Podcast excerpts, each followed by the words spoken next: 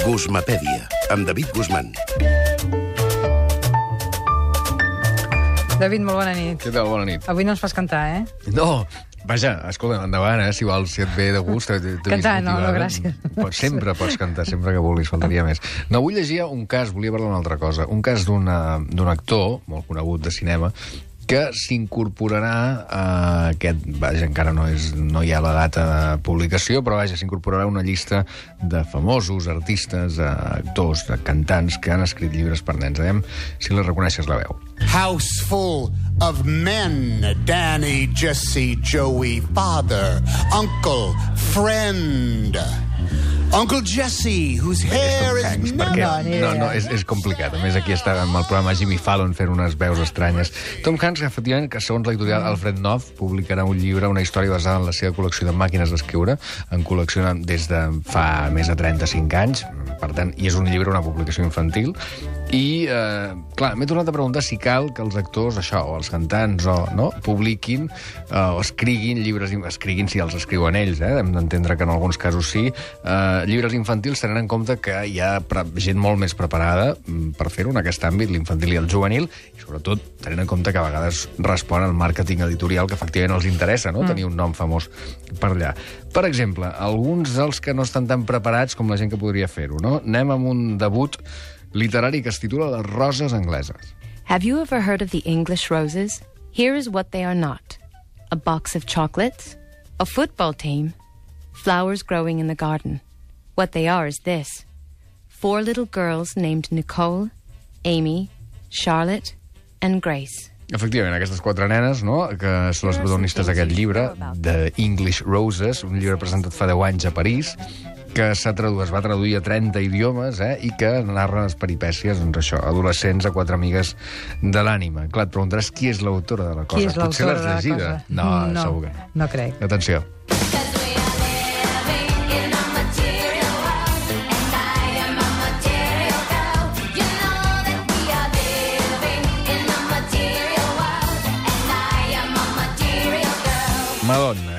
La crítica no la deixa gaire ben parada, si, sobretot si, com la cançó, són Material Girl, doncs les quatre protagonistes d'aquestes roses angleses no va tenir literàriament cap interès, cap èxit, però en tot cas eh, 30 idiomes, eh? només de sortida. Eh? I... Bueno, és que el nom de Madonna... eh, Clar, llavors, no però, per la literatura o els llibres no haurien de ser només un nom en una coberta, sinó alguna cosa més a l'interior. No? Bé, Això, això m'ho dius el dia de Sant Jordi. si no t'ho dic tot l'any, per mi el, el dia del llibre és, dura 365 dies. Anem a un altre cas, eh, també, atenció d'aquesta guitarra.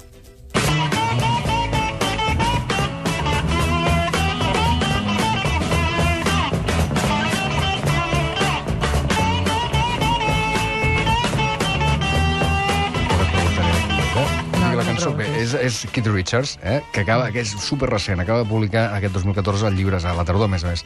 Un llibre es diu Gas en mi, il·lustrat per la seva filla, i on narra la història de, del seu avi, no? l'avi de Keith Richards, que figura que és la persona que diguem li va transmetre aquesta falera per la música i, i l'amor per la música li va contagiar. Per tant, un llibre per públic infantil que, mm, que explica també, eh, la portada es veu, no? El, ell amb una guitarra, el primer contacte de Keith Richards amb una guitarra mm, s'estalvia explicar altres primers contactes, perquè la seva biografia ja els ha explicat abastament. Per tant, aquí és el públic infantil i no sé quina culpa en tenen els nens de Keith Richards com a escriptor, però també el tenim. Molta atenció també a aquesta cançó. He was born a little baby on the Appalachian Trail.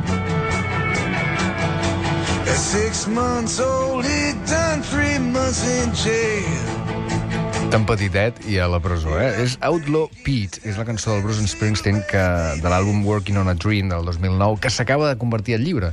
És a dir, el Bruce debuta a la literatura també, sí, ara mateix ho fa, de fet aquest mes, eh, fa pocs dies, amb un llibre basat en aquesta cançó seva, que es diu així, és la història d'una... Eh, es diu Outlaw Pete, per tant és la història d'aquest Pete, és un fora de la llei, però amb la particularitat que als sis mesos d'edat ja en porta tres a la presó, no? Com també diu la cançó. Està a la, bé, a, a, sí, sí. una bona carrera. I tant, va ràpid. A la, a la portada, a la coberta es veu la il·lustració de Frank Caruso, un nen, efectivament, com si fos un cowboy, amb, amb pistoles, però amb bolquers. Eh? Per tant, Outlaw Pete, que suposa el debut, diguem-ne, literari, i posa-hi tantes cometes com vulguis a, de Bruce Springsteen. Però hi ha més cantants.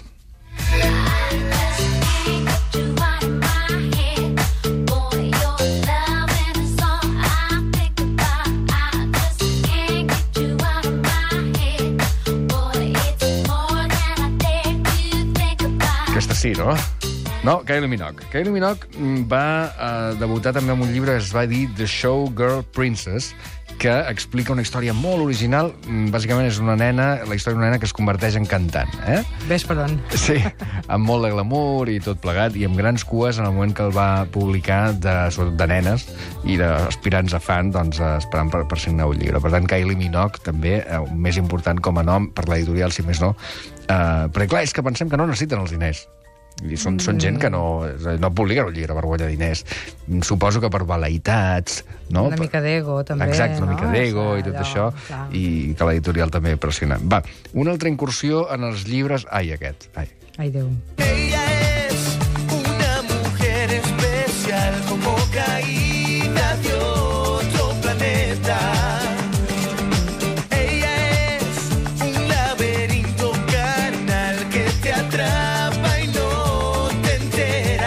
El llibre no es diu Maria, es diu... Uh, què és Cheyenne, un d'aquests? Ricky Martin, Això, sí. Ricky Martin. Tots sonen igual, eh? Sí. Tots sonen igual, sí, sí. Raül, Chayanne, eh? Ricky Martin, vaja, no sé si n'hi havia més, Bisbal, tot, Bisbal és posterior, però...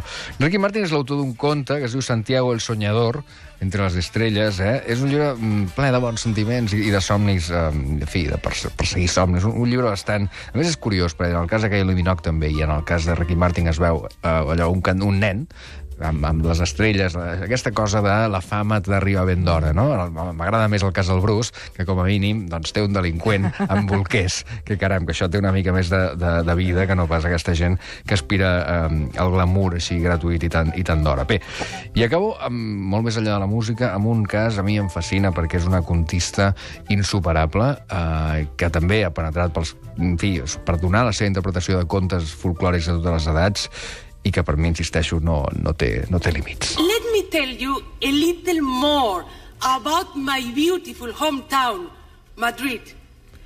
Madrid is one of the most... Avui jo crec que era la dinovena vegada que sento aquest discurs i la, no puc parar de, de, de l'estupor m'inunda. Ana Botella el 2001 va publicar Érase una vez los mejores cuentos comentados, és a dir, contes de tota la vida, amb l'opinió d'Ana Botella. Increïble. I després el 2009 va repetir amb Cuentos de Navidad. Tu imagina't el, el regal de Nadal, no? els contes explicats per, per Ana Botella amb les opinions, amb les lectures, interpretacions de, de la senyora Café con Leche. Eh? I Que Déu ens recolli confessats. I tant, clar que sí. Gràcies. Fins ara. Fins ara.